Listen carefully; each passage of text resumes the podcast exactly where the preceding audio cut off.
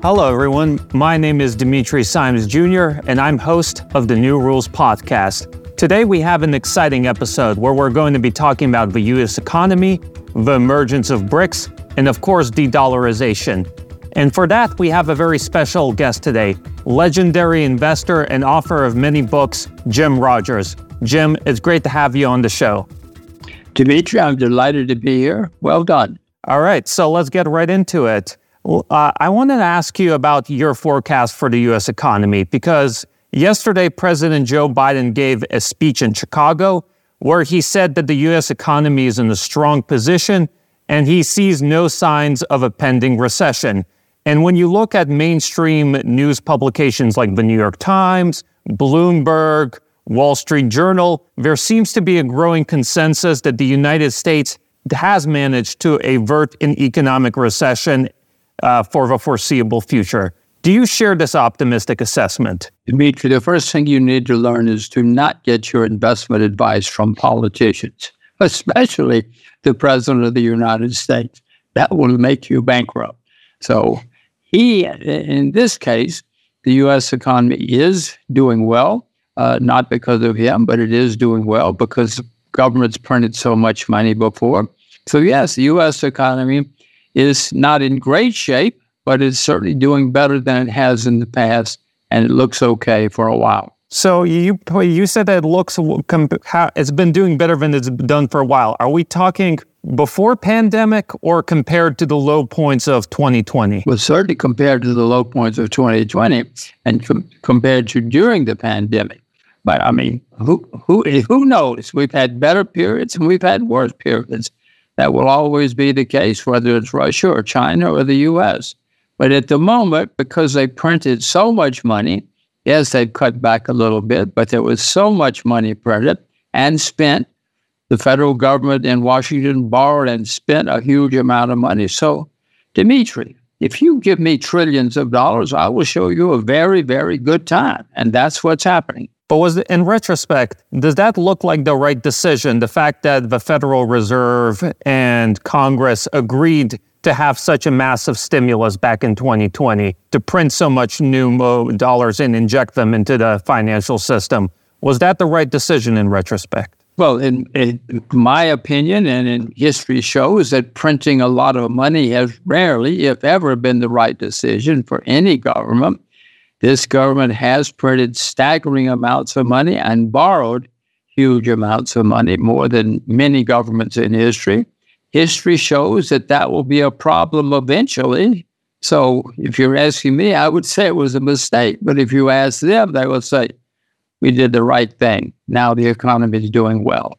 Well, let me ask you, why do you think that it was the wrong decision? Because one thing that the White House is emphasizing is that inflation does seem to be cooling down so far this year. Last year, it reached a 40 year high of 9%, but in May, that dropped to 4%. Isn't that a sign that, in a sense, the United States was able to have its cake and eat it too when it comes to printing money? Oh, Dimitri, you should go to work for Washington. They would love you in Washington. Uh, markets work that way. The way markets work, Dimitri, is they go up, they react, they go up, they react. This is the way all markets have always worked, and that's what's happening with inflation now. We had a huge bout. They were having a normal correction. You know, the price of oil came down as it should and could. The price of many things came down. So at the moment, the inflation numbers look good. And of course, the politicians are taking credit for that. They're saying, see, we have saved you. Be careful, Dimitri. Be very careful. So, just uh, for clarification, inflation is going down not so much for policy reasons, but for external economic factors like the oil market, the commodities market, things of that nature. Absolutely. That's the way markets have always worked. If you look back at previous bouts of inflation, same thing happened. It would go up a lot, it would calm down, it would go up a lot, especially when they raise interest rates. That scares people. But do you think that the United States is winning the fight against the inflation and will do so f- over for the foreseeable future? Because there is a lot of cautious optimism when you listen to the Federal Reserve and the White House, but you also have people like investor Peter Schiff who argued that the worst is yet to come. But I would con- uh, concur that the worst is yet to come. It always has come later after normal fluctuations and corrections. Uh, I do not agree with the White House that everything is okay now. And I certainly don't agree that they should take credit for it. Look back at previous inflation anywhere in the world. You will see it goes up, down, up, down. This is the way markets work. You say that, in your view, not everything is okay. Could you elaborate for our audience members so they can understand what potential problems may be lying beyond the surface? But, Dimitri, first of all, the U.S. is the largest debtor nation in the history of the world. Every nation in history that's gotten into that kind of situation has wound up having problems. We have printed a lot of money. We have borrowed and spent a lot of money, which is wonderful for the short term. But that eventually has, we have to pay the price. Inflation is going to get worse. The debt problems are going to get worse. And the U.S. is going to suffer. Dimitri, this is not a good time to be a young American. I'm an old American. It's a good time to be an old American because I don't have to pay the debt. But my kids are going to have to pay the debt and they will have a lot of problems. And could you, again, uh, this may seem like an elementary question, but I think it's good to review the basics for our audience members because it's pretty popular nowadays to say that, yeah, the national debt in the United States is not great, but it won't really hurt the American economy because the American economy is just too big to default, too important to default, and it's so uh, technologically advanced and productive that it'll find uh, ways to keep growing despite the large national debt. Why is the national debt a reason for concern? Dimitri, you should go to work in Washington. They would love you. They would love you in Washington. Um, go back in, you know, in 1980, the last time we had this kind of, in the 70s, the 1980, interest rates went to 21% on government bond, government paper, because the inflation was so bad. The inflation now is worse. In 1980, Dimitri, the United States was still a creditor nation. Now the United States is the largest debtor nation in the history of the world. So sure, things are feel okay at the moment. Things have calmed down at the moment, but at the moment is not going to last forever. Somebody's got to pay this debt. Somebody has to print more money. Somebody has to borrow more money. And when you borrow huge amounts of money, interest rates will go higher and higher. Inflation will go higher because so much money has been printed. The U.S. has had the longest period in American history without a problem. Maybe it's going to go on forever, Dimitri. Never has. Yeah. I mean, again, I'm not an economist and investor. The one thing that has, you know, puzzled me, I guess, sort of as a curious bystander is the fact that the United States has had such low interest rates since 2008. And it does seem like there is, the situation is so ripe for new bubbles to pop because, uh, you know, so many people have taken out loans that they can't repay. So many businesses have taken risky decisions that haven't paid off. It seems like the situation in many ways is volatile with all sorts of risk. Well, absolutely. But what you didn't say, and everything you said is perfectly accurate, but the United States government, too, has borrowed gigantic amounts of money in those years. And the United States government is now the largest debtor government in the history of the world. That cannot be good, Dimitri. It never has been good for any country. So somebody's going to have to pay for this. My kids, you're not going to pay for it, but somebody is. Yeah. I mean, I guess, you know, this does beg the question because when you look at the Biden administration's economic agenda, a lot of it is based on increased uh, spending, both in terms of infrastructure, spending on, on healthcare, uh, Green New Deal, you know, not necessarily the version proposed by the squad, Alexandria Ocasio Cortez, but still.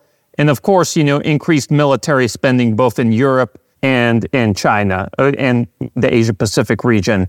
From an economic standpoint, how sustainable is these increased spending plans? Dimitri, they have spent a lot of money buying boats. That's what people in Washington have done very well over the past few decades. They've learned how to do it. Is it sustainable? Of course not. I mean, unless you or somebody's going to lend them huge amounts of money at ever lower interest rates, which has never happened, of course it's not sustainable. Let me say again the United States is the largest debtor nation in history. Many countries have gone through periods like this in the past thousand years. The U.S. is going to pay the price. My kids, anyway, are going to pay the price. And what will paying the price mean in practice? Does that mean, you know, the United States government could run out of money or would could this, you know, problem take form in a different way? Well, the U.S. government will not run out of money because they can always print as much as they want. And we're not going to run out of trees. So they will continue to print huge amounts of money. The U.S. will not default. It will pay its debts. It may be in money that's worth less, but we will always pay our debts. I mean, you're in Russia. Russia in the 90s paid its debts, but the money that Russia paid its debt with was not very valuable. That will happen in the U.S. Yeah. yeah well, it is worth noting that in the 1990s, Russia was oftentimes bailed out by the IMF, and in large part thanks to the United States and the G7. If the United States uh, goes for something similar, who would be able to bail it out? The U.S. will bail itself out. They'll print a lot of money. Or the IMF will come in and lend them some more money too. But the value of the money will deteriorate and decline as they print and borrow more and more money. I mean, Dimitri, this has happened many times in history and it will happen again. The value of the US dollar will lose more and more value as it prints more. It always happened this way. You know, in the 1920s, Britain was the richest, most powerful country in the world. There was no number two. 50 years later, Britain was bankrupt, literally bankrupt. The IMF had to fly into London and bail them out. And they had to be bailed out by their friends. That will happen to the U.S. Not this year. Don't worry. It won't happen this year. Yeah. But it will happen. Since you touched on the topic of de dollarization, let's dig into this deeper because I know this is a question that a lot of our audience members care about. I'm going to play devil's advocate here for a moment. Uh, because last week, U.S. Treasury Secretary Janet Yellen suggested that there, at the current moment, there isn't a viable replacement for the dollar when it comes to trade, when it comes to investment, when it comes to reserve currency. Here's what she said specifically. There's a very good reason why the dollar is used widely in trade, and that's because we have deep, liquid, open capital markets, rule of law, and long and deep financial instruments. Does she have a point? Well, everything she just said is true. And that's the reason the U.S. got to this position. But now, what she left out was that we're the largest debtor in history, the debt is skyrocketing and the money printing is skyrocketing. Eventually, that eventually we have to pay the price, or every country in history has had to pay the price. Yes, she will print huge amounts of money. She will borrow and spend huge amounts of money, and things will feel, feel okay for a while, just as they have for other countries in the past. Dimitri, unless something is changed in world history and in world economics, this will not go on forever. And okay, so let's talk about what who do you see as being potential rivals to the dollar? Are there any sort of currencies that could give a dollar a run for its money? Well, on paper, in theory, the Chinese renminbi, the Chinese currency should be it, but the Chinese currency is not completely convertible, so that's a little absurd. And I look every day. Don't worry, Dimitri. This is very important to me uh, and my family. But I have not found anything yet other than the Chinese currency. But as I just explained, it's well, the Chinese currency is becoming more convertible every day, every week, every month. But it's not there yet. And I don't see anything on the horizon yet cannot be the euro, certainly cannot be Japan. I don't see anything yet. And that may cause a big problem if and when things go really go wrong with the US and with the US dollar. The world will have a serious financial crisis for a while anyway, unless we can find something else. And I don't know what the something else is yet. So we have this sort of interesting predicament there where, on one hand, countries are starting to reconsider their dependence on the dollar but no one really has a clear answer of what the replacement of a dollar will be. Correct, exactly right. I mean, if you know, as I say, don't announce it on the air. Send me a private email. They go, I mean, it's not going to be the ruble. I told you about the renminbi. It should be the renminbi, but the renminbi is not convertible yet, not completely.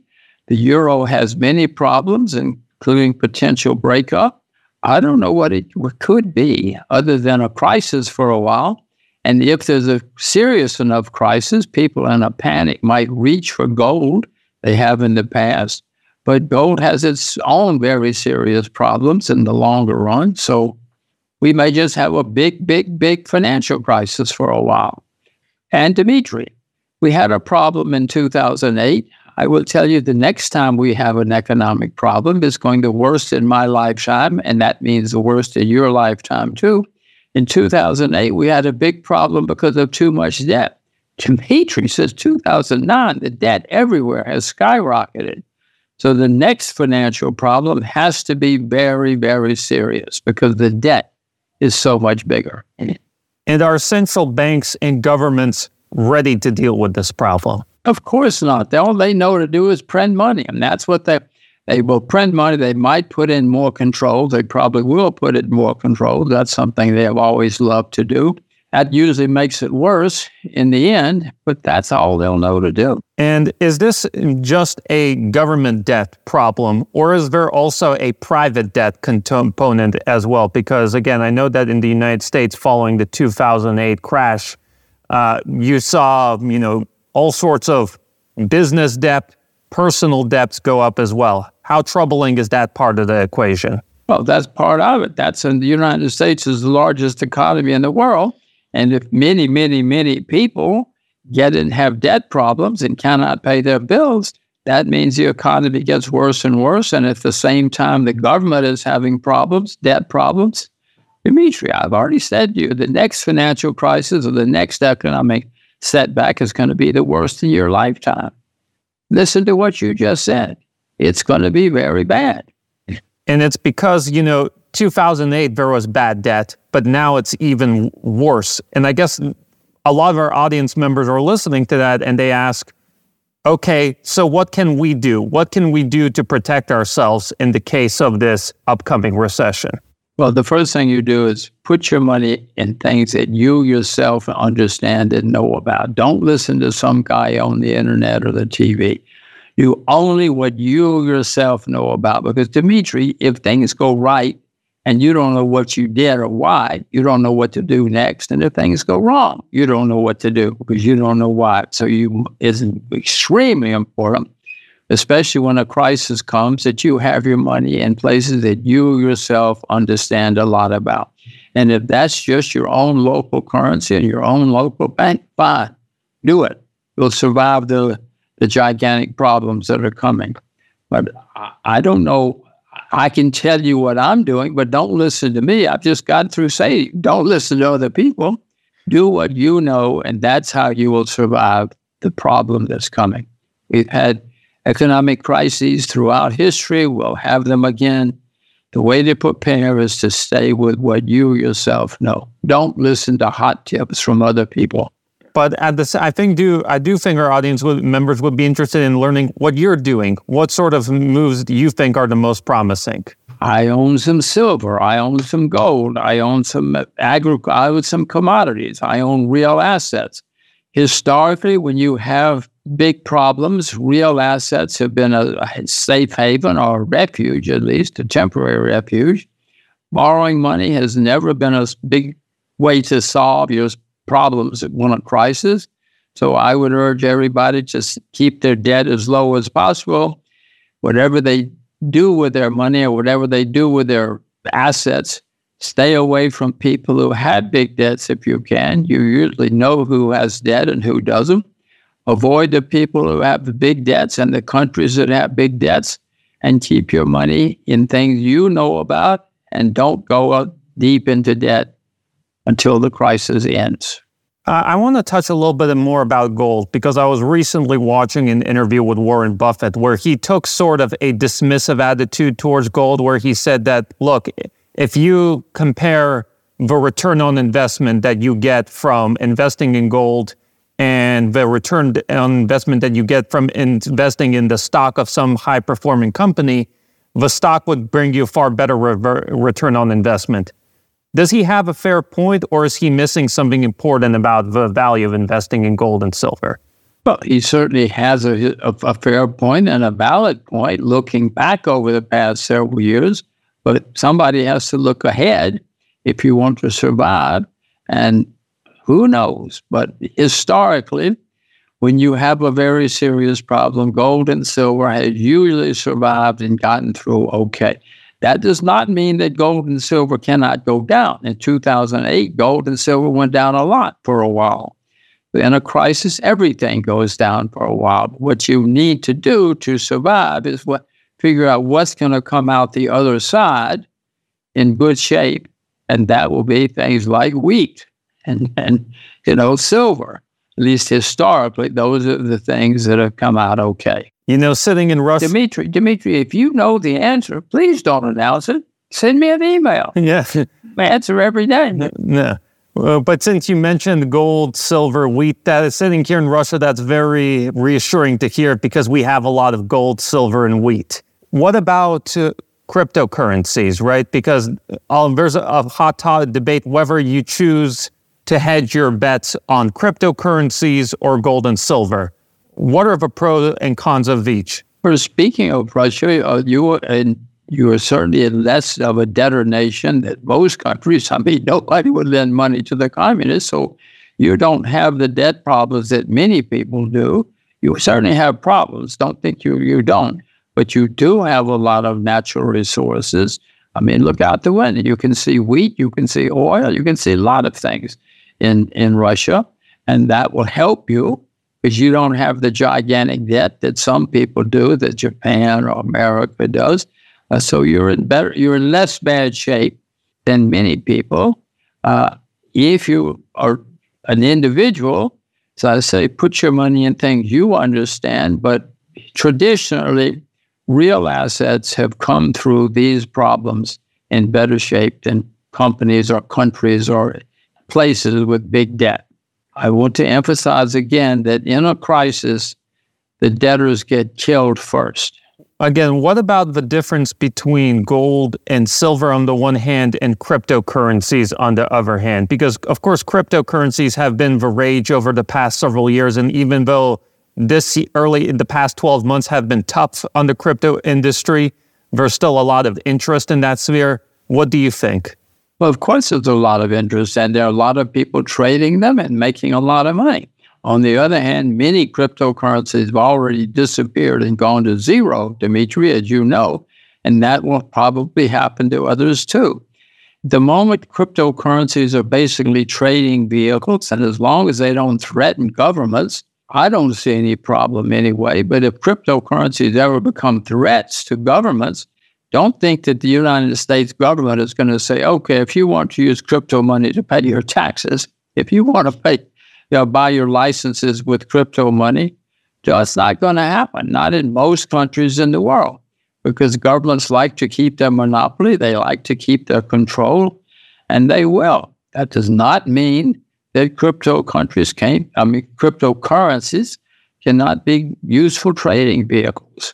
But I don't see that cryptocurrencies are going to become serious money in most countries in the world, if any. I want to remind our audience members that you are listening to the New Rules podcast. I am your host, Dimitri Simes Jr., and our guest is legendary investor Jim Rogers. Jim, I want to step back and, you know, look at the long-term perspective because as the 21st century came on, everyone was expecting that this would be a second American century. But over the past two decades, everyone understood that China was growing fast. But I think that a lot of people have been surprised by how far and how quickly the Chinese economy has gone, not just in terms of size, but complexity. How do you see the economic race between the US and China?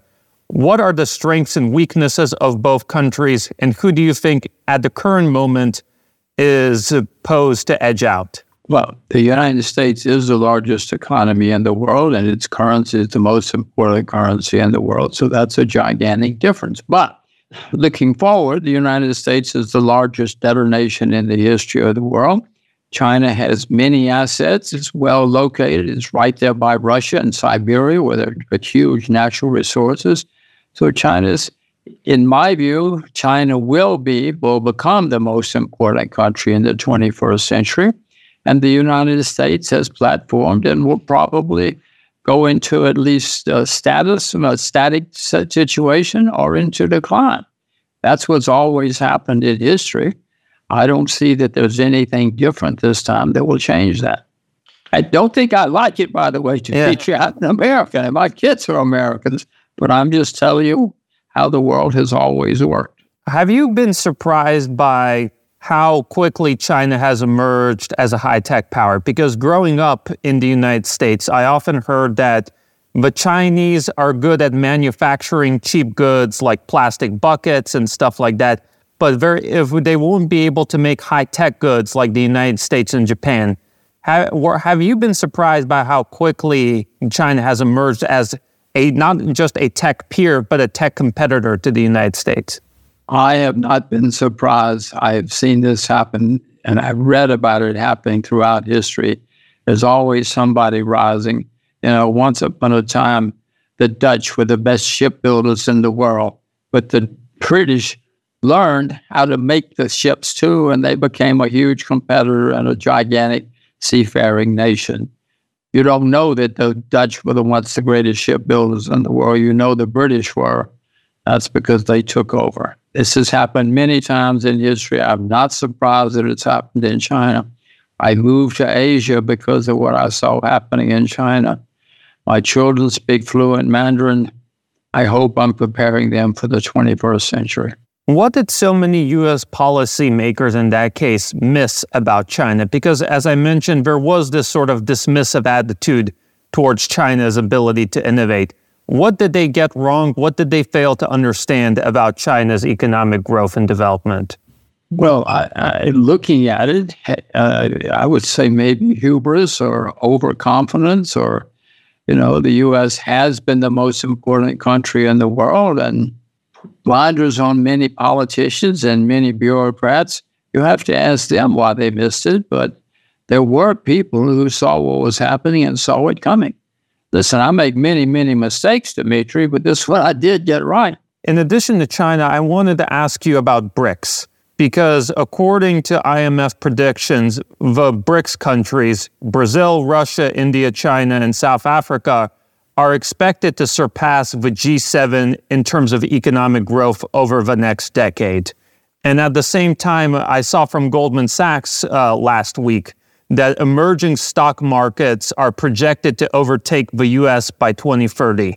What do you think about BRICS and its economic potential? Uh, BRICS is not a real entity. It's something that somebody looked at a map and said, oh, they must be good and successful because they're big yes, some of those countries have done well. China, you mentioned China, Brazil has a lot of natural resources, but I don't see that entity as an entity even. There will certainly be successful countries out there in the world. Some will surpass the US, some will surpass China, but I don't see any surprise. This is the way history has always worked, and it's happening again. You mentioned that it's not a real entity, and for our audience members, it's worth reminding them that BRICS was literally invented by a Goldman Sachs analyst as he was, you know, 20 years ago, as he was doing some forecast about economic development over the past 50, over the next 50 years. But it does seem that something that came out of someone's imagination is slowly starting to become real because you look at the news over the past several months about 19 countries, including major players like Saudi Arabia, Argentina, Iran, and others, have signaled that they want to become members of BRICS. Could this be a sign that BRICS is coming is going from something that was an organization on paper to something that could be a real economic player? It's not an organization on paper or anything else. It's an imagination, but That does not mean that some of the countries aren't doing extremely well and will continue to. We've been discussing China. China is now the largest or second largest economy in the world. It's going to get better. As all you know, in 19, 1920s, Britain was the most important and largest economy in the world. 50 years later, it was bankrupt. Literally, IMF had to bail them out. That sort of thing has always happened. There are always countries rising.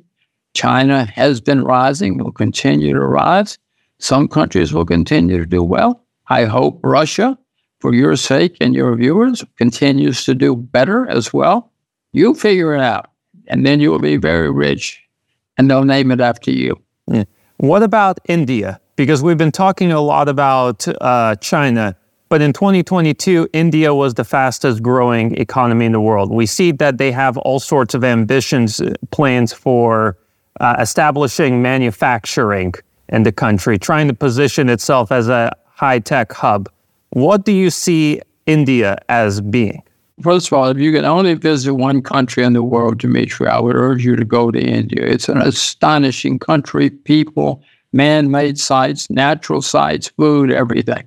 An amazing place. But as recently as 1980, India was much richer than China, for instance. You know the rest of that story. Yes, India has been getting better, but India has many internal problems, if you ask me. I know it's doing better. I expect to continue to do better, at least many times. But I don't see India replacing China in your lifetime.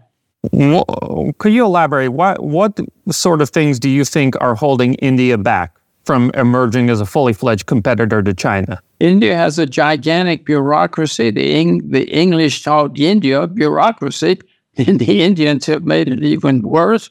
The Indians have many, many ethnic groups, linguistic groups, religious groups, which is a wonderful thing if you're a tourist. But as far as the cohesion necessary to become a gigantic economic player, that has usually not been a good play. China has basically one ethnic group, basically one language, basically one everything. And that usually has been a better way to develop than to have multiple, multiple, multiple it can certainly happen, and it has happened. But listen, I love India, but I don't see it for the reasons I've mentioned. And, and India is building up a lot of debt too. India has now got a lot of debt, which China has debt now, but nothing like India. So I see potential negatives to prevent India becoming the next China. You know, one interesting point that has come up over our conversation, you point out the fact that natural resources are a big plus. And this, in some ways, goes against some of the economic mainstream over the past several decades when it's been fashionable to talk about a resource curse and that it's actually better for a country not to have natural resources because it forces them to be innovative and productive in other ways. Why do you see natural resources as being such a big upside for a country? Well, it always has been. If you have oil or coal or wheat or whatever it is people need, or iron, iron or steel, that has always been a useful component into developing an economy. If you don't have those things, you can certainly do it. I mean, Britain became the most powerful country in the world with nothing except sail- sailing ships and brains. Uh, it can't happen, but rarely has it happened, at least over any long period. And Britain got huge natural resources from its empire, as you know, so that made up for the lack of natural resources. If you don't have natural resources, you usually don't have staying power, certainly not in the 21st century. And what does that mean for Europe then? Because Europe became a superpower in the 19th century for a lot of reasons, but as you mentioned, they definitely benefited from the fact that they had resource rich colonies. Over the past several decades, they had access to cheap hydrocarbons from Russia. Now they have to completely, you know, rethink their uh, energy supply model. What are, as an investor, what are your prognosis for Europe? Teach your children Chinese. That doesn't sound too optimistic about Europe. No, I mean, I, listen, I love Europe. There are many places there. I, I went to school in Britain, et cetera, et cetera. But no, I mean, I have to face reality. Most European countries have gigantic debt now. Uh, and that has never been a solution or even a way to have great prosperity. And I mean, I love many of those European countries, but we have to face facts. I mean, I have to face facts as an investor. Is there anything else other than debt that makes you, I guess, sort of skeptical or pessimistic about Europe's potential? What about their human capital? What about, you know, the, their sort of laws and institutions? Because that's what they say is their main strength, their main attraction for investors. Well, you an open economy, an open society, open borders has always been helpful in developing an economy and developing a society. Countries that have closed off throughout history have gone into decline. So, but at the moment, Europe has good borders, good populations, education. They have many things that are very good for the Europeans, but they have huge debts, and the debts are going. Even Germany has a lot of debt now. There are German cities that are in serious economic trouble because they have such big debt.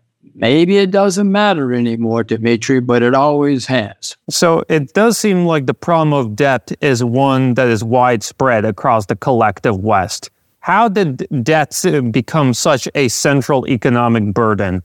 Why is it that for de- for you know previously Western governments were known for their financial prudence, but now it seems that all of them have excessive debt. Dimitri, everybody wants a free lunch, and I want a free lunch. Everybody wants to get rich quick, including me. So politicians realized that they could borrow huge amounts of money easily and cheaply, and so many of them did it. I mean, this is not the first time that countries have done that or that people have done that.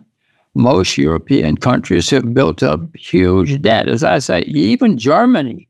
Oh my gosh, 50 years ago, Germany was the paragon of virtue as far as running a sound economy and a sound currency. Even Germany has a lot of debt now. Makes sense. You ask how it happened. I mean, just go back. It was easy. So many of them said, let's just borrow some money. And once you start, it usually builds up. I want to remind our audience members that you are watching and listening to the New Rules podcast. I'm your host, Dimitri Simes Jr and our guest is legendary investor Jim Rogers. Jim, we've been talking a lot about the sort of things that make an economy successful or unsuccessful. I want to talk a bit about the role of emerging technologies because we see that uh, artificial intelligence is becoming more and more integrated into our lives, into the way that companies operate. What do you see as the major impacts that of artificial intelligence that investors need to be ready for, that people in general need to be ready for? Well, it's going to change everything we know. It's going to change our lives totally. If you can find the innovative, efficient, smaller artificial intelligence companies, do so, Dimitri. Don't tell me, go and buy the shares. Buy them because somebody's going to change everything we know about life especially in artificial intelligence and things of that sort. I'm not technical. I'm not a very techn- technological person, but somebody is. So find the right ones and you'll make a lot of money. And the world is going to change. Dimitri, electricity changed the world. Yeah. This is too. And I mean, it's worth noting that the United States, in large part because was able to become the superpower that was not just because of industrial production, but technological innovation. Even when we look at the communications revolution in the 1960s, the 1980s, that laid the foundation for the United States to be able to maintain, to become the sort of major exporter of tech products that it still is today. Does the United States still have the necessary foundations to maintain its technological leadership in this current world? Well, yes, many well educated and smart people in the US, and, and we're still going to have great innovations coming out of the US, but the US does not have the educational edge it used to have. I mean, China produces thousands of engineers every year. Some of them are bad engineers but they produce many, many more than we in the US, US do. And some of our US engineers are bad engineers too. So all of this is, has always changed throughout history. It continues to change. And the U.S., as I said before, you know, the, what you mentioned is the 60s and 70s. It's really starting the 20s and 30s is when the U.S. began getting that edge and those technological changes. Uh, it accelerated in the 60s and 70s, but so is the debt and so is the competition. You know, some business people like Elon Musk argue that we don't that the planet Earth doesn't have an overpopulation problem; it increasingly has an underpopulation problem because as populations in various parts of the world start to go down, it means that you're going to have less potential new innovators, less potential people in the workforce, and that could hamper economic productivity and growth. What are your feelings on the subject? I'm not worried about that. The, United, the world has had many eras of declining population, uh, and the population has not been booming in this century, in the last century, but that did not mean we didn't have great innovation and people who came up with wonderful new companies.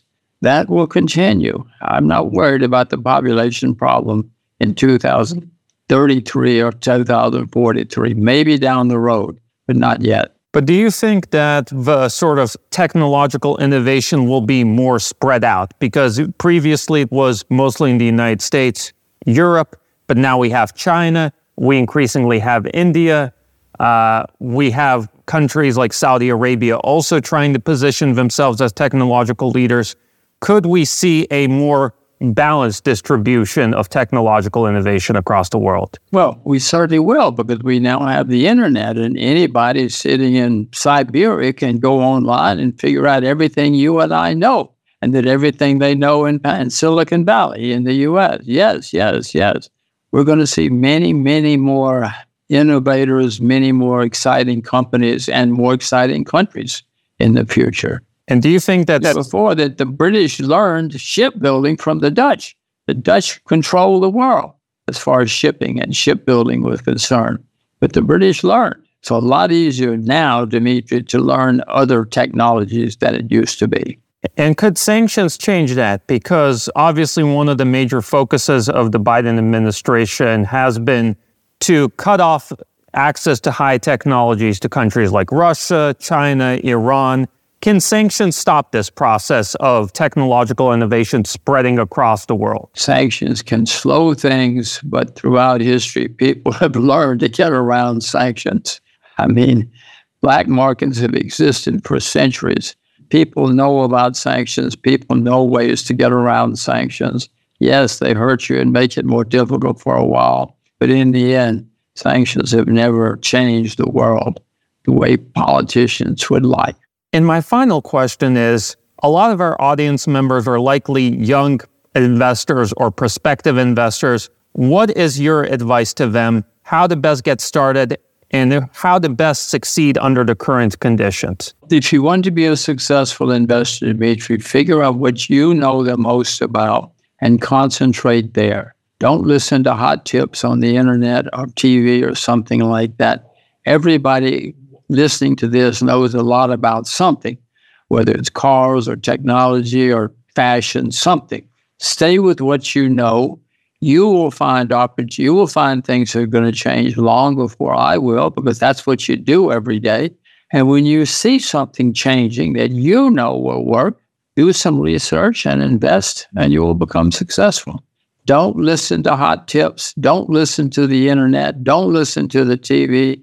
Stay with what you know. And if people tell you that's boring, be boring. And where can our audience members follow, keep up with your work? Well, Dimitri, I don't have anything to sell. I mean, I've written a few books, but I don't have a newsletter or anything. I'm just a simple person trying to survive like everybody else. I'm afraid I don't have anything to sell.